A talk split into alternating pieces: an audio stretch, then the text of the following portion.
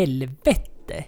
Nu drar vi igång med en jävla brakstart på dagens avsnitt. Så får det bli.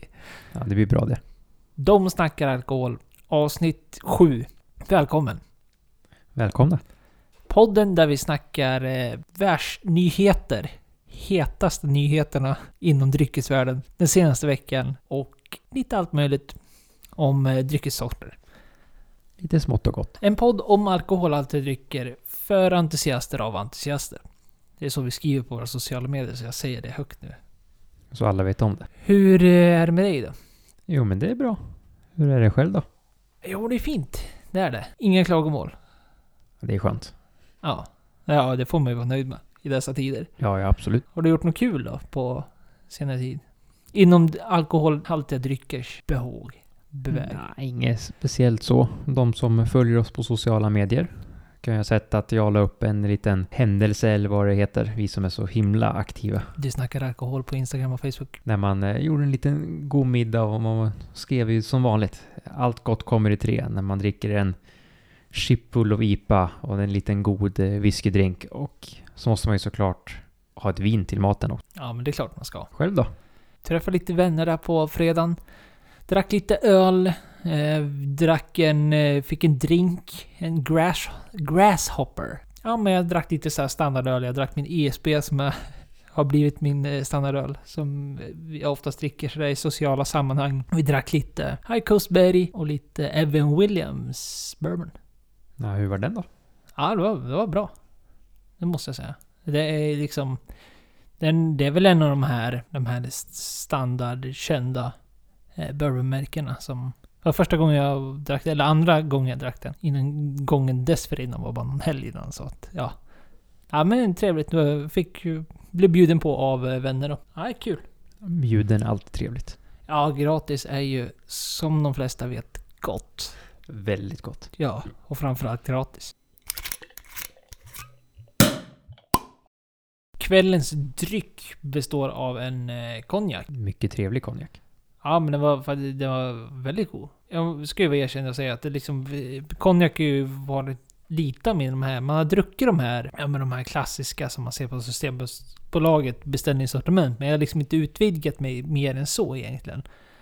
Och jag tror aldrig jag har köpt en egen champagne, eller konjak, till mig själv liksom. Så jag har bara druckit såna här klassiska avecken folk ställer fram där vid kaffet. Den här Hennessyn eller uh, Remy Martin. Och Renault och ja, allt vad det är. Ja. Standard. Nej, så det här var kul att prova något...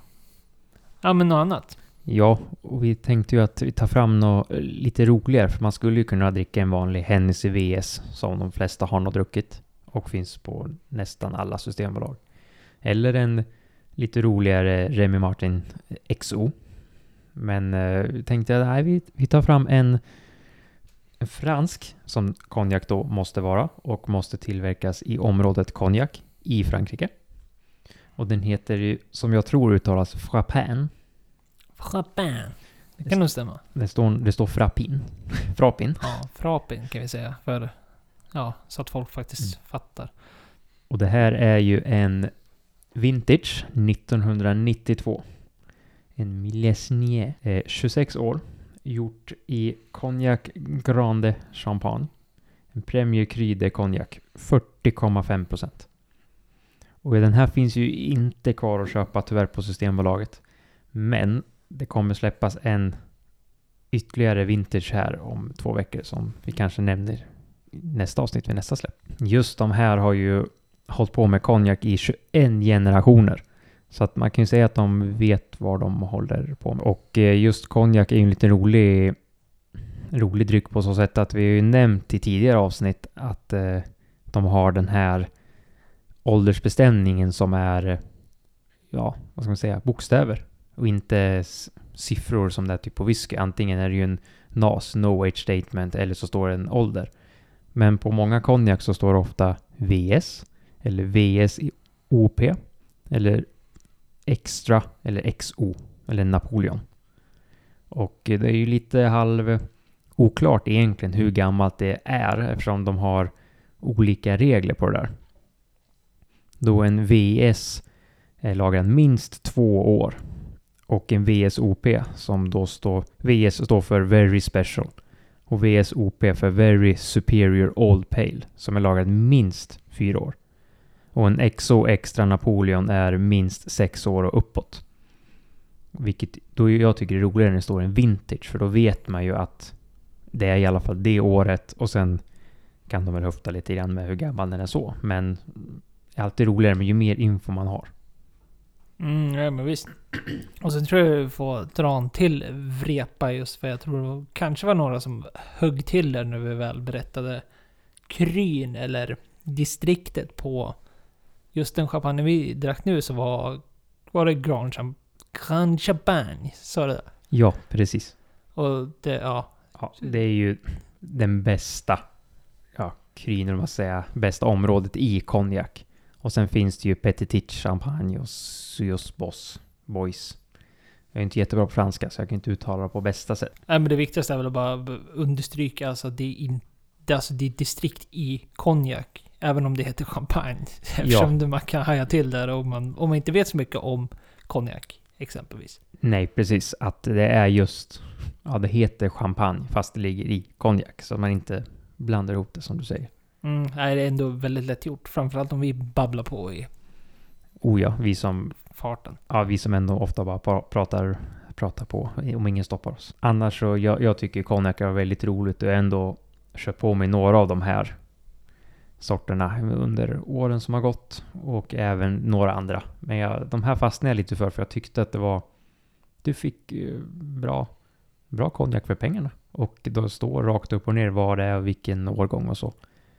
Och sen eh, är det ju viktigt är att det är väldigt, väldigt hårda regler på vad konjak är.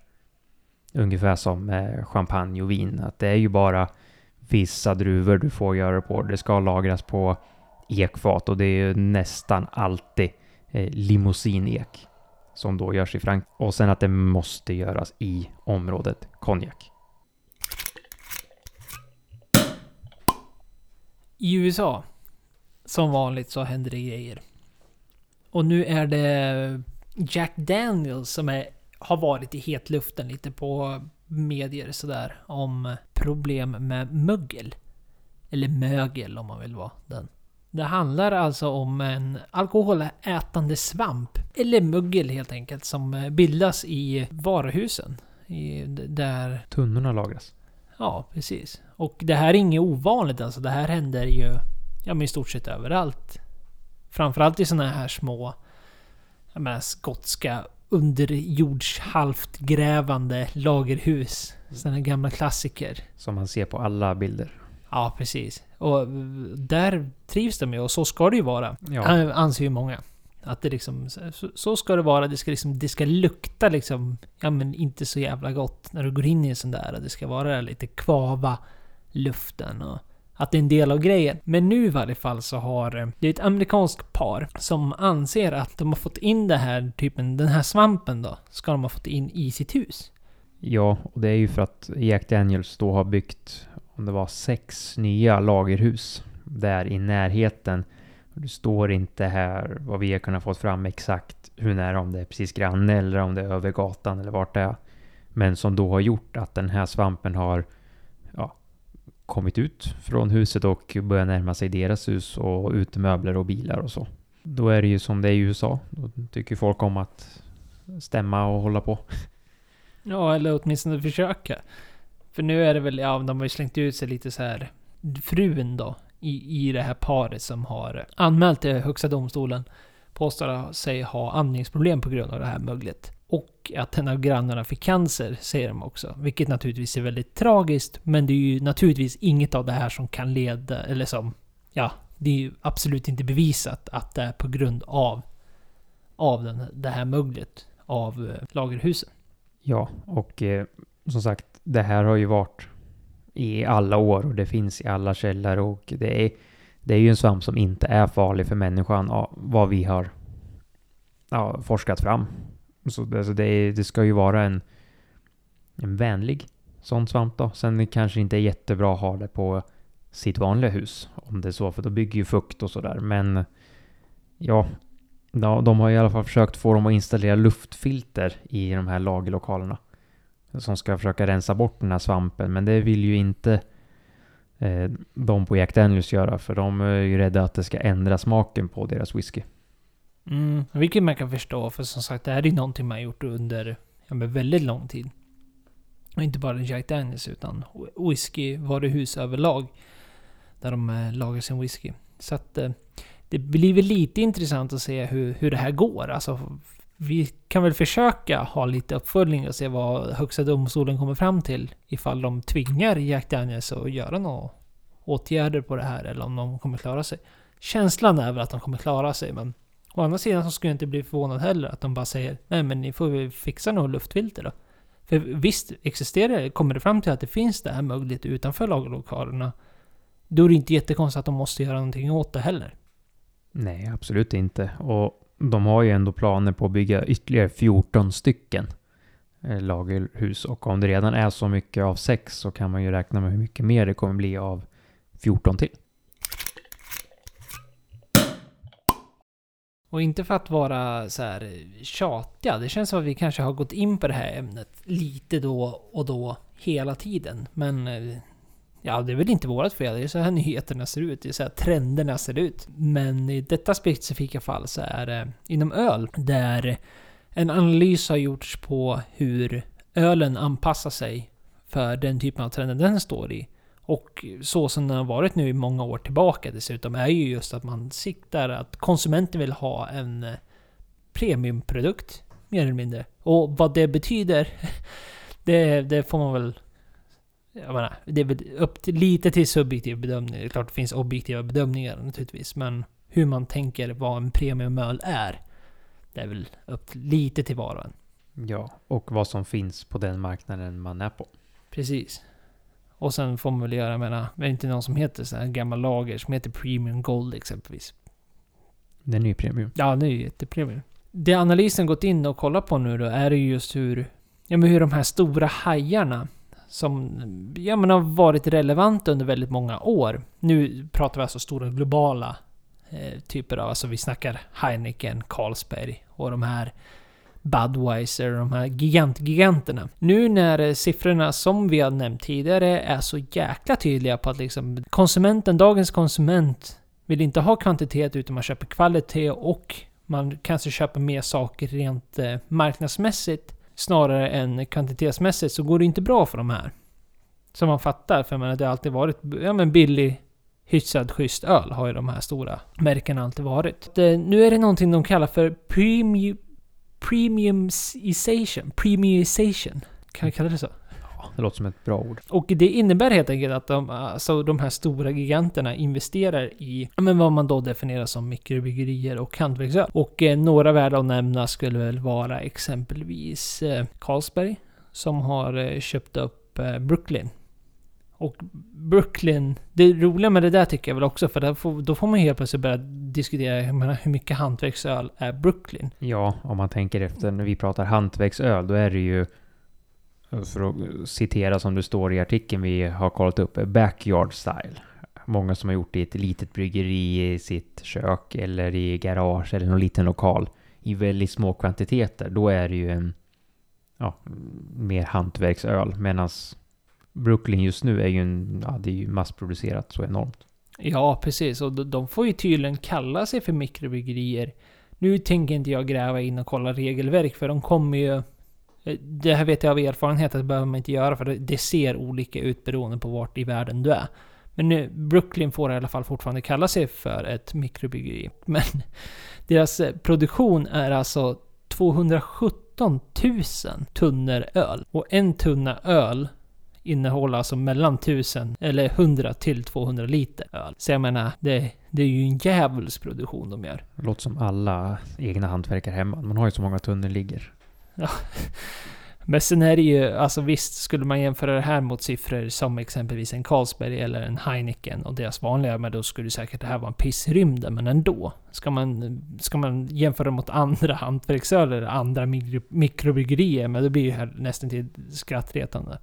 Ja, faktiskt. Men det är i alla fall det man gör, så att man liksom försöker få in de här, de stora köper in, ja men mindre. Jag menar, ja Heineken gör samma sak och de har ju Languitas. Exempelvis, som är väl ungefär samma sak då, som Brooklyn. Alltså det, det började ju säkert som en hantverksöl, mikrobryggeri, en gång i tiden. Men sen har de blivit väldigt populära och har en stor produktion. Och eh, kör på ändå. Så att det, det är väl, vi ska väl inte vara för jätte, jätte långdragna här, men det är liksom, det bara är återigen ett exempel på hur den här trenden som vi har ja, men, nämnt och kanske inte fokuserat så jättemycket på öl i sig, utan eh, mer andra drycker. Men det är kul att se de här analyserna som visar på, och de här som man kanske har missat. Alltså att Carlsberg exempelvis har köpt upp Brooklyn och eh, att Heineken har köpt upp Languitas.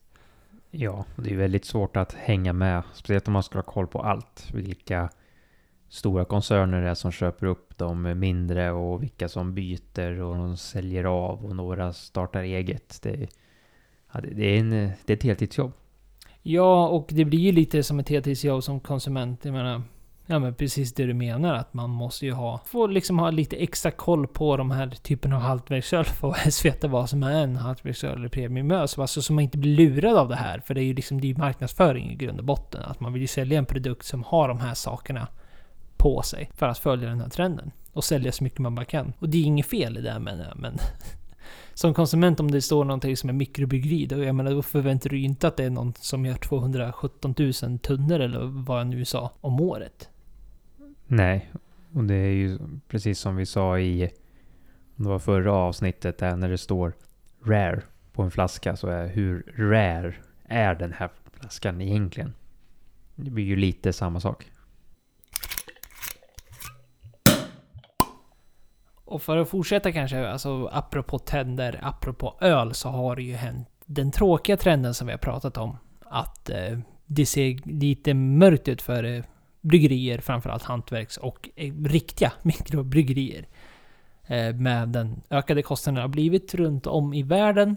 Och senaste nu då så har det ju kommit in att... Eh, Stockholm Brewing Company har... Ja, de la ut en post idag. Vi såg den här precis innan vi började spela in så att vi har ju inte gjort någon stor bakgrundskoll eller någonting. Men att de, som jag förstår så kan inte de vara kvar på sin nuvarande plats där de brygger öl på grund av allt som händer i världen med krig och eh, inflationen och hö högre priser, inpriser och utpriser och alltihop. Det är ju väldigt, eh, det är väldigt färskt så att vi har inte så mycket att gå på men vi vill gärna, eller vill gärna, det var fel ord vi vill säga det. Och eh, det är ju en tankeställare. För att, att börja tänka efter på vart köper du din öl och vad, när du ska handla. Och eh, även på restauranger, köp hantverksölen. Speciellt om det är öl som görs i din stad där du bor. Om den finns på tap eller finns i, ja, på baren, köp en, köp två. Om du går till systemet, köp några där så att det liksom hela tiden rullar på.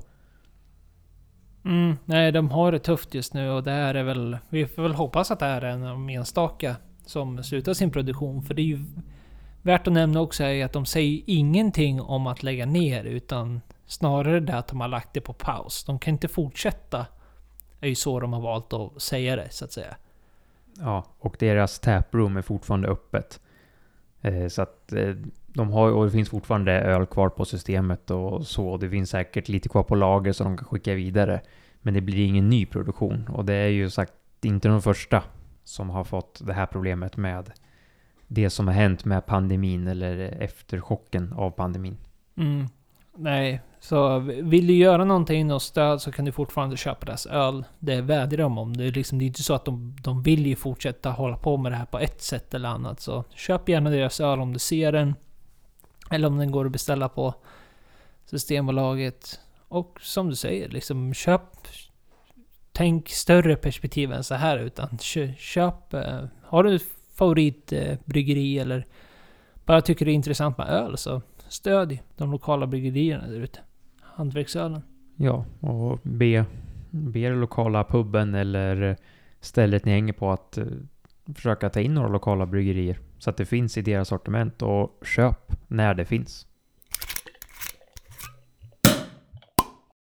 Och ännu en lista har kommit. Vi pratade ju om öl som pilsner.nu hade lagt ut på de mest sålda öltyperna. på Systembolaget 2022. Men nu kommer Spirit News och har lagt upp en lista på topp 50 vodka 2022. Och man blir inte, man blir inte golvad när man läser. Man är inte förvånad när man läser. Nej, verkligen inte. Och ni kan väl, ni kan väl få så här två minuter på er att tänka ut hemma vad ni tror topp 5 är medan vi börjar prata om själva liksom den här retail. För det finns ju lite intressant som de tar upp i den här artikeln också. är ju lite så här att det har skenat iväg eh, någorlunda mellan platserna.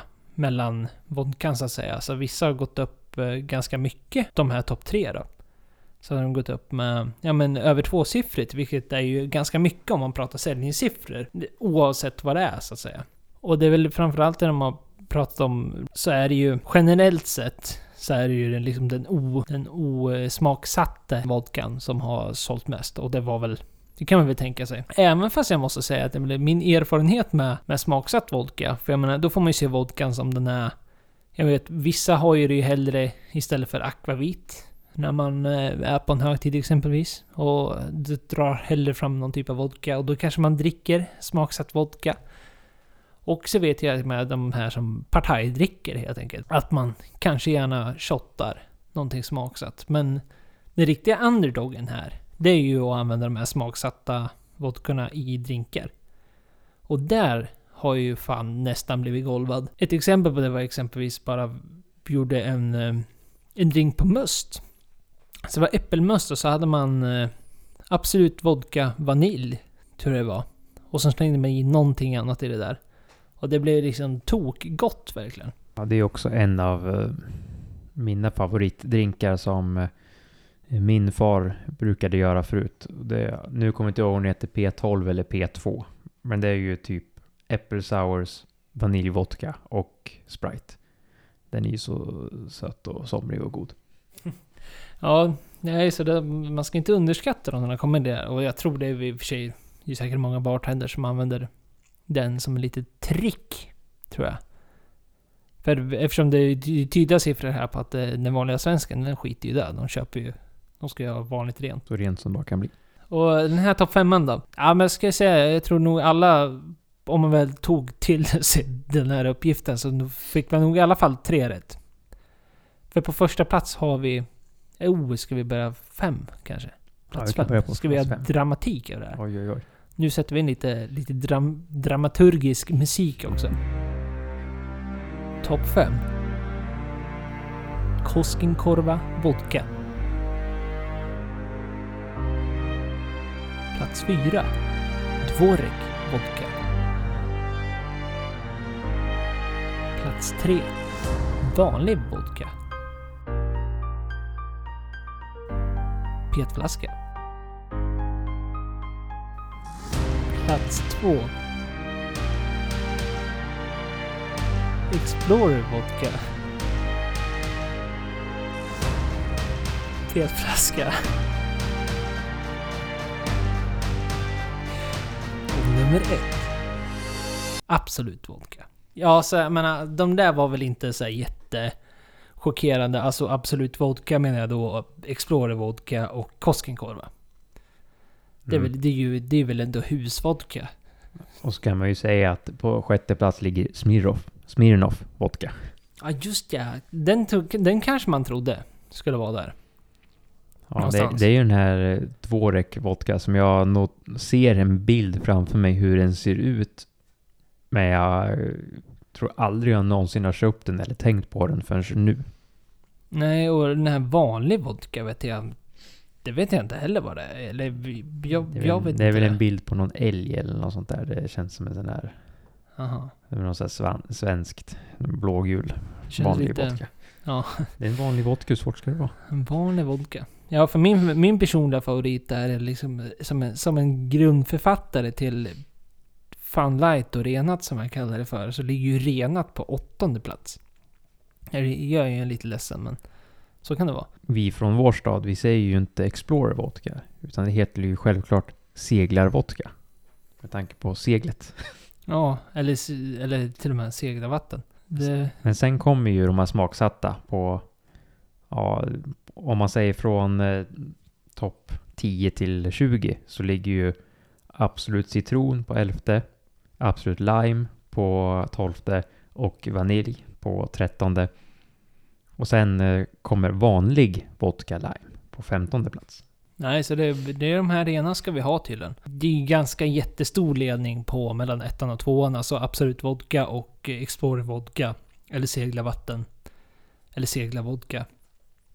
De, de är lite så här tätt in på varandra. Men eh, Absolut Vodka går ut och vinner med... Då har vi alltså liter. De når nästan miljonen. 989 000 liter. Och eh, Segla Vattnet hamnar på 878. Och sen vanlig vodka hamnar i och för sig på 700 000. Men, ja, men det är ganska stort hopp där ändå. Ja, det är det absolut. Och eh, värt att nämna är väl, är väl priset. Alltså att vodkan ändå är... Eh, ja men typ 40 spänn dyrare än vad Explorer-vodkan är. Nu när vi är ändå inne på det här... Vad, vad kallar vi det för? Premiumization. Inte för att jag kanske skulle kalla för Absolut Vodka som något typ av jättepremie, men... Ja, 40 Nej, spänn. ja, fast eh, jag tror i en del länder så är ju Absolut vodka en fin vodka. Ja, de har ju verkligen lyckats med sin marknadsföring. Det Men det är, väl, det är väl lite det här att i, i Sverige har vi ju ganska höga krav på vad som får säljas på systemet och det är väl en del andra länder har de kanske inte lika höga krav. Så det är någon nästintill hembränt säljs väl som den billigaste vodkan och då blir ju Absolut vodka en fin. Men kollar man på listan så det är inte förrän plats 25 där Purity Vodka Signature kommer in och efter en number one premium vodka och sen kommer den här Grey Goose. Mm, ja, så där premium PM kommer in. Ja, det är ju väldigt långt ner i listan, så är det ju. Kul att nämna också, eller ja, kul, vi som har pratat om eh, liksom miljövänliga saker och vi har pratat om eh, glasbrist och så vidare, är ju just de här petflaskorna, att de kommer där på andra, tredje plats. Så att man faktiskt har, man har skiftat från glasflaskorna till petflaskor och eh, ja, men det verkar ju som att det går bra, liksom. Eller att folk inte bryr sig. Eller så kanske de bryr sig, det är kanske är därför Absolut Vodka är överst också. Så kan det vara. Ja, det är en bra fråga. Sen får du ju en krona pant också. Ja, nej, men det, det tar mig. Tequila Mescal, eller Mescal, hur du nu vill uttala det, har en... eh, Ja, kris ska vi inte kalla det för. Eh, Det är ju lite så här medias favoritord, men... Det, det är väl ingen kris, men de har, de har problem på grund av klimatförändringarna som har hänt nu. Och eh, lite djur.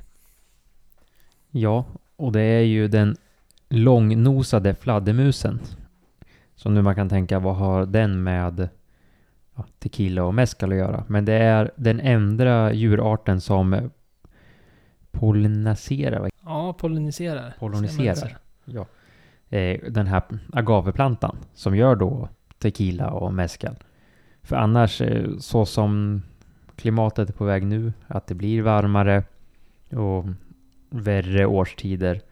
Och eh, visst, i Mexiko, den här plantan behöver ju inte så mycket vatten, den behöver ju ganska lite vatten. Så just att det är varmt och så spelar inte lika stor roll för den. Men det gör ju att just den här fladdermusen som eh, gör så att det vi kan göra tequila och mezcal eh, försvinner och då blir det ju ett annat sorts problem. Ja men visst, det, känslan är väl att det är inte lika lätt som att sätta upp ett par bikuper som vi har gjort här när no, saker och ting ska poloniseras även om det är brist på getingar och humlor och allt vad det är. Så min gissning är att de här inte är kanske lika lätt att eh, försöka kontrollera på det sättet. Det är man kan tänka sig, ja men varför odlar ni inte det här någon annanstans där ja, fladdermössen mår bättre? Ja, då är det återigen det här med distrikt och regler att du får ju inte odla den här blue agaveväxten någon annanstans och kalla det för tequila och mezcal. Mm. Så då återigen så står man ju där att ja, då kommer du få en dryck som är gjord på samma sätt och så, men det får inte heta det. Men det är ju ett uh, tänk att det är inte bara miljön som ändrar sig för oss och för de dryckerna, utan det är ju de djur som finns i den miljön också. Ja men visst, och det är ju framförallt, jag menar det tuffa blir ju med tequilan som har Ja men som har jättesteg just att det måste vara blå agave i ja, men Jalisco eller en av de andra fyra delstaterna. Så att eh, där har man ju ett jätteproblem. Naturligtvis. För det, ja, men det måste vara det. Det är lagfört och så är det. Och visst kan man ändra lagen ifall det här skulle bli utarta sig och bli ett liksom... Det utplånas helt på blå agave i Jalisco. Och så vidare. Jag menar det, det kommer väl komma någon typ av rekyl då naturligtvis. Men... Ja men tråkigt. Vi får se vad som händer. Och då för att gå in i veckans stora ämne som vi hade tänkt att prata om så är det ju just en segway från det vi nyss pratade om. Dels från eh, Segda Vattnets petflaska och de här fladdermössen som eh, förstör. Inte förstör, bristen utav dem förstör produktionen av blå agave. Mexiko så är det just klimatförändringar. Det är en produkt av klimatförändringar och det är ju... Det händer ju mycket och det kanske, man kanske tycker det är uttjatat man kanske inte tror på det av olika anledningar. Eller man kanske inte tror att... Man kanske tror att det existerar men man tror inte på det som andra folk säger. Och det, sånt, det skiter vi ju här ju. Utan nu pratar vi alltså rent om att det här händer. Punkt slut. Vad händer och hur påverkar det alkoholhaltiga drycker? Ja, precis. Och då har vi ju gått in på egentligen de som drabbas mest. Och det är ju faktiskt eh, vinodlarna. Där det är väldigt viktigt för klimatet. Eh, alltså hur det ser ut och eh, hur varmt det är, hur, hur kallt det är och med regnperioder och så. Mm, och där har man ju liksom, ja men jättestora problem. För jag menar, vi, vi har ju nämnt det här, det, som alla andra ämnen, som vi, när vi liksom bottnar i en sådär, så är det ju oftast ämnen som vi märker har nämnts väldigt mycket. Så liksom djupdyker vi lite mera. Och just det här har vi nämnt i förbifarten några gånger. Och vindruvorna framförallt då, just för att det har blivit... Ja men de här, det har härjat så här värmeböljor framförallt i Frankrike. Vi pratade om det både när vi pratade om Bourgogne tror jag, och när vi pratade om Bordeaux. Om vilka de här värmeböljorna har varit och det var dåligt skörd. Pratade vi om förra veckan exempelvis 2021. Och tyvärr så verkar det varit så även 2022 nu. Att det har varit sämre skördar på grund av de här jättevarma somrarna som de har haft. Som har påverkat skördetider och så vidare. Och man försöker reglera det här genom att kanske skörda tidigare eller, eller vice versa och så vidare beroende på vart i världen du är. Så man försöker göra så gott man kan. Men eh, det är jättestora problem. Och inom vinet så är det väl framförallt Merlot som ja, men helt plötsligt börjar bli riktigt bristvara. För att det är liksom, din en druva alltså som har eh, historiskt sett så har den ju trivs väldigt bra i framförallt södra Frankrike och Chile. Men eh, i Chile så går det väl hyfsat bra då, förutom ja, vi pratar om bränderna som också är ett resultat av klimatkrisen. Eller klimatförändringarna. Där väldigt mycket brann bort. Så att det var ju naturligtvis inte bra. Men i södra Frankrike så är det snarare liksom i klimatmässigt alltså i de södra regionerna. Där det brukar vara som Bordeaux, som brukar vara exemplariskt för att eh, odla melå. Men melå, de, den, den druvsorten trivs inte alls. Men den här värmen som det Ja, och, och i och med det så börjar de ju plantera eh, nya druvor i Bordeaux. För att kunna anpassa sig till förändringarna för att ja, de, om druvorna börjar, alltså funkar inte där längre, då måste man anpassa sig och göra något nytt, för de vill ju inte att distriktet ska försvinna på grund av att de inte kan odla någonting. Och då är ju även andra saker de börjar kolla, det är ju just för att kolla om de kan börja odla på högre och svalare höjder just för att nå den här jämnare temperaturen som är. Visst, du kan få större köldchocker, men du får ju inte den här tokvärmen som gör att druvorna kanske torkar. Nej, och Melo är ju en sån där druva som man nu börjar kolla som man... Ja men om man hade bara några år sedan som kanske folk hade ryggat till och men det kommer aldrig hända. Men man tittar ju på alltså skandinaviska länder. Framförallt alltså Sverige, Norge, Danmark kan man odla Melo där. Eller i norra England. Som eh, tekniskt sett har väldigt bra jord alltså terroir som man då pratar om, så har ju England alltid haft det bra, fast det är klimatet som har varit besvikelsen. Så att jordmånen finns där, det är ofta, det är väldigt mycket vit kalk. Om jag minns rätt, i England. Som, ja, men som historiskt sett har varit väldigt främjande för vin, vinrankor. Men eh, som sagt, att det, klimatet har inte varit där. Det har varit alldeles för kallt alltså. Och eh, säsongen har inte alls hängt med. Men i och med den här klimatförändringen nu så ser det helt plötsligt helt annorlunda ut. Ja, och det kan man ju ta som en positiv sak. För då kan helt plötsligt England komma in och försöka få, få en fot i vinmarknaden, eller vinhandeln. Just, eh, de gör ju sin egna, nu kommer jag inte ihåg vad det heter i huvudet, men mousserande viner som eh, ska vara väldigt bra. Jag har faktiskt inte druckit någon, men som ändå försöker slå sig in där och andra. Så det är ju positivt sett, även om vi kan börja odla mer druvor i Sverige. Det är ju kul med svenska vingårdar också. Men det är ju på grund av något negativt vi får något positivt, så man måste ju se åt båda hållen. Och det gör ju också att oh, ja, blir druvorna mognare fortare så kommer de få en ny smakprofil än om de kan ligga och mogna länge. Vilket också gör att då måste du börja förändra hur du gör för att du ska kunna få fram ungefär samma vin varje år. Och sen är det ju även det här som är med regnar det mindre, då blir det mer konstbevattning.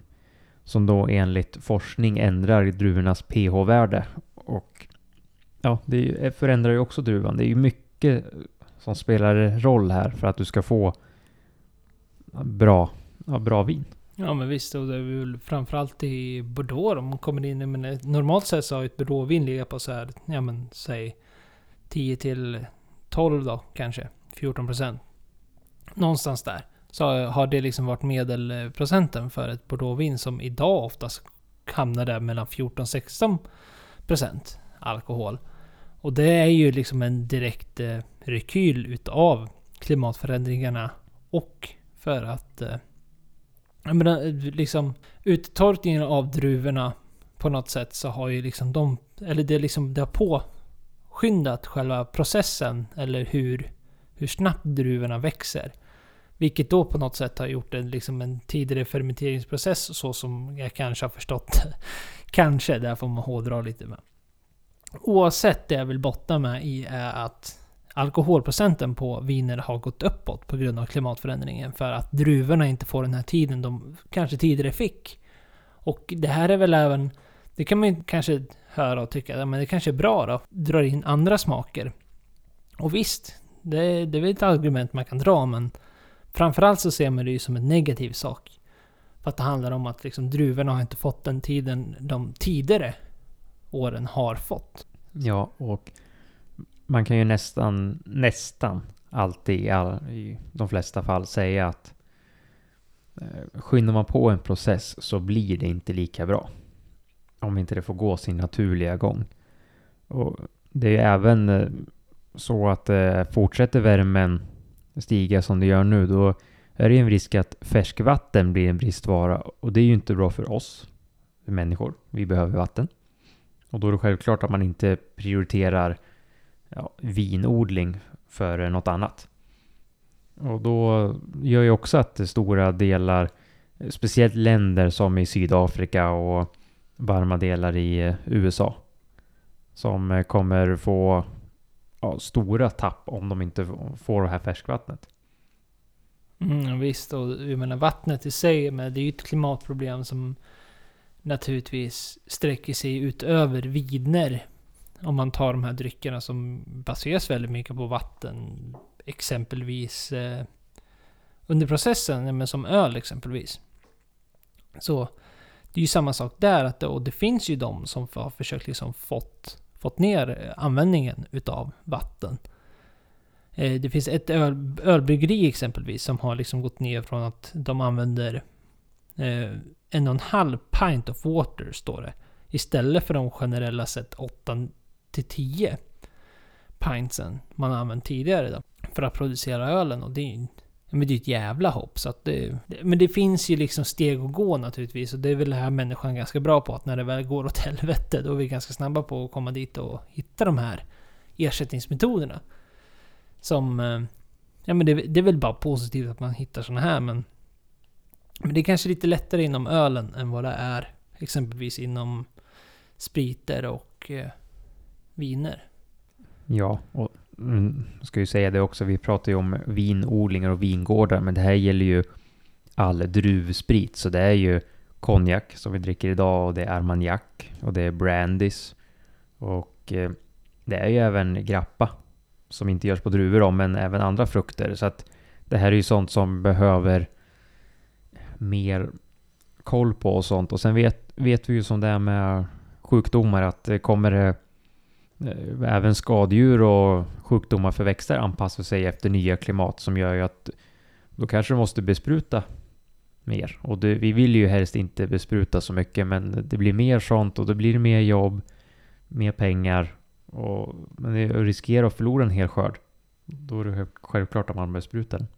Mm, men visst, och det är ju, det är ju i grund och botten så är det ju livsmedel vi pratar om här. Utan alltså det är ju med levande växter på något sätt som måste Eh, få sin gång liksom. Även om det är lättare att visualisera sig exempelvis en vinranka eller en vidodling och sånt där så pratar vi även om om vi pratar om de flesta spritsorter eller eh, öl också för den delen. Just att eh, kornet krävs ju också väldigt mycket vatten. Och det är ju det går ju bra så länge vi har liksom normala cykler inom med regnvatten och så vidare. Men det har vi ju å andra sidan inte haft.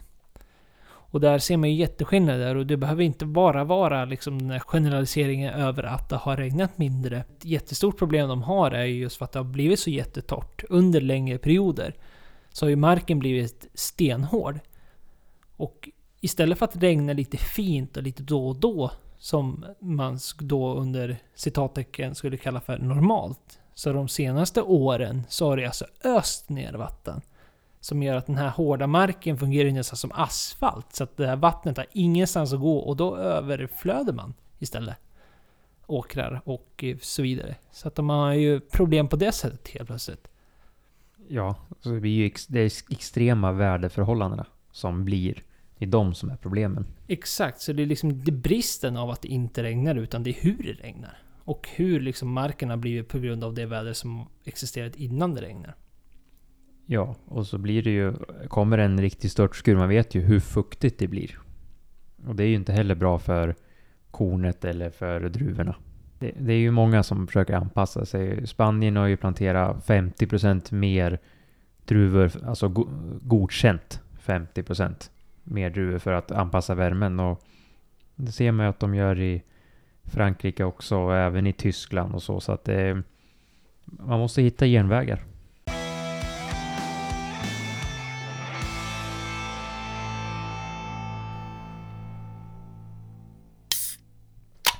Och eh, det är naturligtvis mer än eh, bara vinet. Så, vi nämnde några exempel på andra, men för att strukturera upp det lite då, om vi pratar inom whiskyvärlden.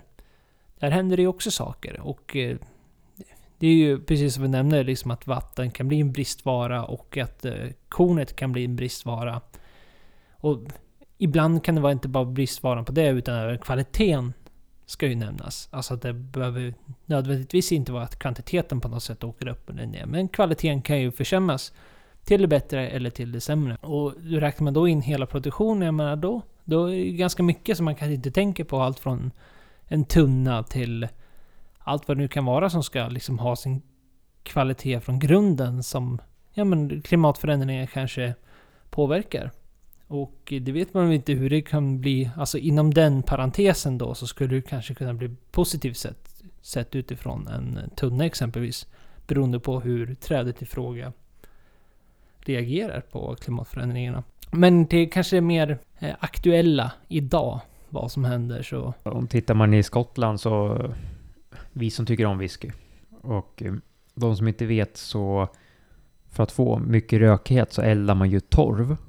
Och bara för att säga snabbt vad torv är så är det typ som våra träsk. Det är ju skit. Ja, skit. Jord. Torkat skit. Ja. Men den här torkade skiten är ju allt från 100 till typ 1000 år gamla beror på hur långt ner man gräver. Och det är ju den som ger en distinkt röksmak i mycket whisky. Och eh, det, det, tar ju tid. Det går ju att skynda på den processen för att få ja, fejkad torv. Men det är ju inte samma sak. Nej, verkligen inte. Och med det så är det ju på flera ställen i Skottland där man har slutat använda torv. För att mm, det är slut. Och det är ju samma sak där. Tar du bort torven helt, då finns det ingen kvar. Så du måste ju fortfarande bevara ja, för att det ska finnas kvar. Så att det blir ju en Ja, det, det blir också till slut en bristvara om man fortsätter som man gör nu. Ja, och det är ju precis som träd eller vad som har varit väldigt naturligt för oss här i Sverige. Så är, torven har ju sin ursprungshistoria i Skottland. Det var ju så man eldade. Alltså i, eh, i ett vanligt hem. Ett hus och hem. Det är ju någonting man har... Ja men någonting man har använt genomgående på ganska stora kvantitetsmässiga saker. Sen vet inte jag hur det ser ut. Man eldar väl inte torv på det sättet längre. Men historiskt sett så har det liksom varit då... Om man vill ha den lilla kuriosan då också så här, Det är ju därför röka whisky blir röka whisky. Och det är väl eh, även därför Isla whisky är så distinkt rökig hela tiden. Är att de har ju väldigt speciell torv. Därav får de sin speciella rök och den här... Ja men... Är du någorlunda inbiten i whisky så kommer du alltid känna direkt på nosen okej okay, det här är Naila. För att den har den här väldigt distinkta men det var helt enkelt så man gjorde. Man, man eldade torv hemma i husen. Här i Sverige så har vi haft träd hela tiden. I, på Skottland så hade man inte lika mycket trä, men man hade skiten då. Torven. Som man eldade. Och med det sagt så vill jag väl, alltså det är ju liksom, det är en resurs som är återkommande. Alltså precis som ett träd eller någonting. Det är, liksom, det är ju, ja, det är en resurs som går att återvinna helt enkelt. Det, är, det kommer tillbaks en renewable resource så att säga. Problemet är ju precis som att man skulle få träd som är helt mogna, precis som du säger, så är det ännu värre just för att det tar flera hundra år i vissa fall. För att, få, för att den här torven ska bli bra igen. Ja, och det är ju så med som whisky som måste lagras minst tre år på ekfat. Och sen finns det andra sorter, det är ju viner och ports och rom och konjaks och armagnacs som lagras på ekfat också. Och det börjar ju också bli en eh, bristvara på en del ställen just för att det produceras så mycket whisky och det säljs så mycket. Och just för andra industrier, vilket gör då att det blir samma sak där, att då måste du massproducera just den här eken och sen kommer du hugga ner den fortare för att du behöver det till de här tunnorna. För just i USA där du behöver Ja, för att göra bourbon måste du ha ny ek. Medan i många andra länder kan du ha begagnat, eller vad man ska säga, återanvänd ek. Ljust. Och eh, kollar man då tekniskt, eller vad man ska säga, historiskt sett, förr när de gjorde de här eh, fina prestigevinerna och whiskyn och konjaken och sånt där, då hade de ju ek som var hundra år gamla. Vilket bara det ger ju en viss smak säkert på själva spriten. Medan nu man massproducerar som gör ju att det blir en brist på tunnor som gör att tunnpriset också har gått upp. Då kommer ju den här som är väldigt viktigt att titta på nu. Vart köper producenten sina tunnor? För att ofta kan man se att är, en, är det någonting man inte tycker är så gott, då är det troligtvis en massproducerad ja, ett massproducerat träd som de har gjort tunna av, som vilket ger en sämre smak. Det är ju också bevisat på sitt sätt. För kollar vi på den här konjaken vi dricker idag. De har ju att eh, minst 40 år ska trädet vara, den här limousineken, innan de ja, hugger ner den. Och det är ju också det är ett bra krav, men då pratar vi 40 år. Det är, en, det är en lång tid att vänta om det börjar ta slut. Mm, ja men visst. Och det är väl där man finner sin någon typ av paradox nästan. För just när det kommer till lagringen och whisky så har ju även de här klimatförändringarna behöver i och för sig inte bara behöva kopplas till klimatförändringar, men klimatet i sig har ju väldigt stor betydelse. Så att om man tittar på typ på Skottland och så vidare, och även när man har sett, jag tror det var Glenn Goinsved eller vad det var, som pratade framförallt om jag menar, problemet man har konkurrensmässigt med exempelvis ett land som eh, Indien och deras whisky. Ja men det är ett varmare klimat helt enkelt. Och Skottland har ju problemet att det är liksom det är svalare och det är fuktigare. Att deras lagningsprocess blir därefter. För det som händer då, för den som inte vet, är att man brukar kallas för att en, en tunna andas. Och har du högre, högre temperatur där du lagrar whiskyn så kommer det positiva då är att den här whiskyn i tunnan kommer så i citattecken andas. Så att alltså vätskan åker in i eken och sen åker den tillbaks igen och den kommer göra så väldigt snabbt just för att vattnet evaporerar i tunnan. Men nackdelen där blir ju att de blir ju alkoholen eller vattnet evaporerar snabbare än alkoholen. Snarare än tvärtom som exempelvis i Tyskland. Där ja, men det blir tvärtom. Att eh, alkoholen evaporerar snabbare, eller etanolen evaporerar snabbare än vad vattnet gör. Vilket gör att i Skottland så har man liksom fått en... Ja, men svårt att hålla upp ABVn, alltså alkoholen, på grund av detta. Medan i, eh, ja men säg indisk whisky eller säg eh, bourbon som görs i, ja men Kentucky har ju fått varmare klimat men framförallt typ i Texas och så vidare. Som har ju problemet att det blir så otroligt hög nivå av angel share som man kallar det då. Alltså att uh, whiskyn försvinner. Den evaporeras bort i tunnan.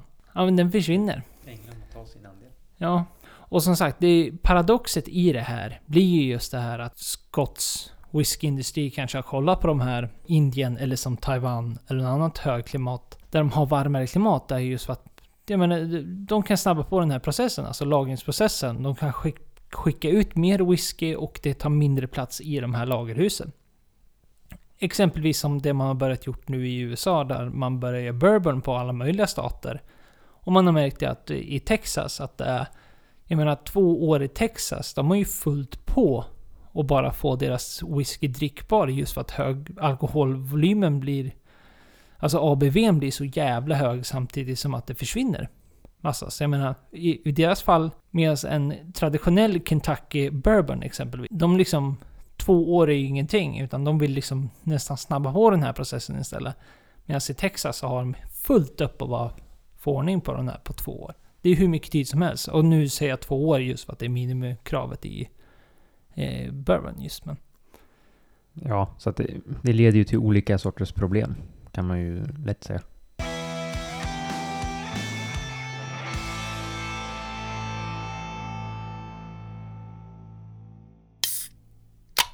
Ja, och eh, nu har vi pratat om vin och whisky och det är, väl, det är väl lite där vi hamnar någonstans. Vi pratar ju om den här fladdermusen och tequilan där och agaven framförallt även med skallen, hur den påverkas av den här fladdermusen. Men det, det här gäller ju generellt sett väldigt många drycker överlag, över hela världen. Det är ju inte bara whisky och vin bara för att vi har bottnat i det här och nu. Nej, precis.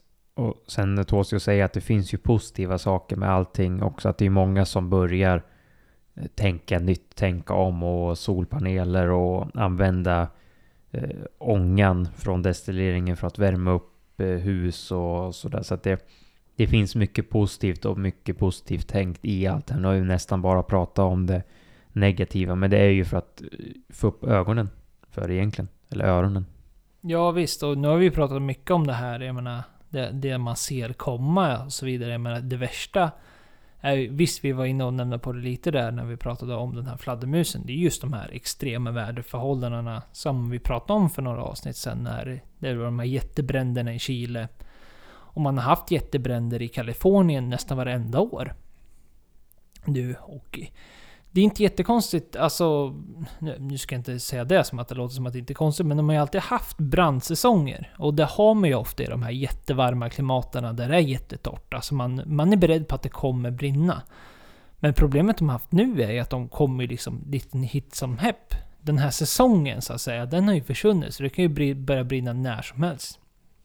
Och vi pratade ju även i Tequila, jag tror det var så 2016 eller något sånt där, där det blev en sån här extrem så att det började ju snöa i Jalisco. Som typ aldrig händer, att det börjar snöa i Mexiko. Så att det, det var ju hur många agaveplantor som dog. Rent utav på grund av den. Så det är de här extrema väderförhållandena, det är ju de som är ja, men kanske läskigast också. Just för att de verkar ju dyka upp lite här och var, när som helst. Ja, och då står man ju för ett nytt dilemma. Hur ska man rädda den här plantan då? Ska man hitta något skydd och täcka över dem med? Eller eh, ska man försöka få in några värmelampor och ställa in och sätta på när det blir det kalla kylan? Och man vet ju inte, det kan ju slå till ganska fort. Nej, och det i stora hela, jag menar det som blir, blir problemet är ju att det liksom, ska det här fortsätta om man inte hittar några lösningar med, då är ju just den här hantverkningskulturen och allting som kommer där bakom och de här lagarna vi har. Och liksom som man kan både tycka bu och bä ibland naturligtvis. Men det, det är ju de som kan komma till och hota. Så det är ju... det man tycker är det absolut tråkigaste. Att hantverket bakom det kanske försvinner. Och då behöver ju det inte heller endast bara ses som något negativt. Utan det är klart, det är klart det skulle kunna uppstå positiva förändringar i och med det också. Men ja, förändringar kan vi väl i alla fall räkna med att det kommer bli. Som ni har väntat, ni sitter och fistbampar varandra där hemma. För nu kommer det! Veckans släpp! Som ni har väntat. Denna vecka så är det en sån här lite mellanvecka. Och det säger vi inte på något negativt sätt, utan det är bara för att vi... Förra veckan var ju sån där när det var lokalt och småskaligt och det var, det var mycket trevligt helt enkelt på en och samma. Då blir det ju sånt här släpp där man har hur mycket som helst att välja mellan. Vi börjar med något trevligt, för nu blir det lite säsongsöl. Påskölen kommer snart. Eh, våren är här och därmed så börjar jag med en eh, Spring Ale 2023 från Näs. Som släpps den 17 3 klockan 10. Den kommer kosta 22 kronor.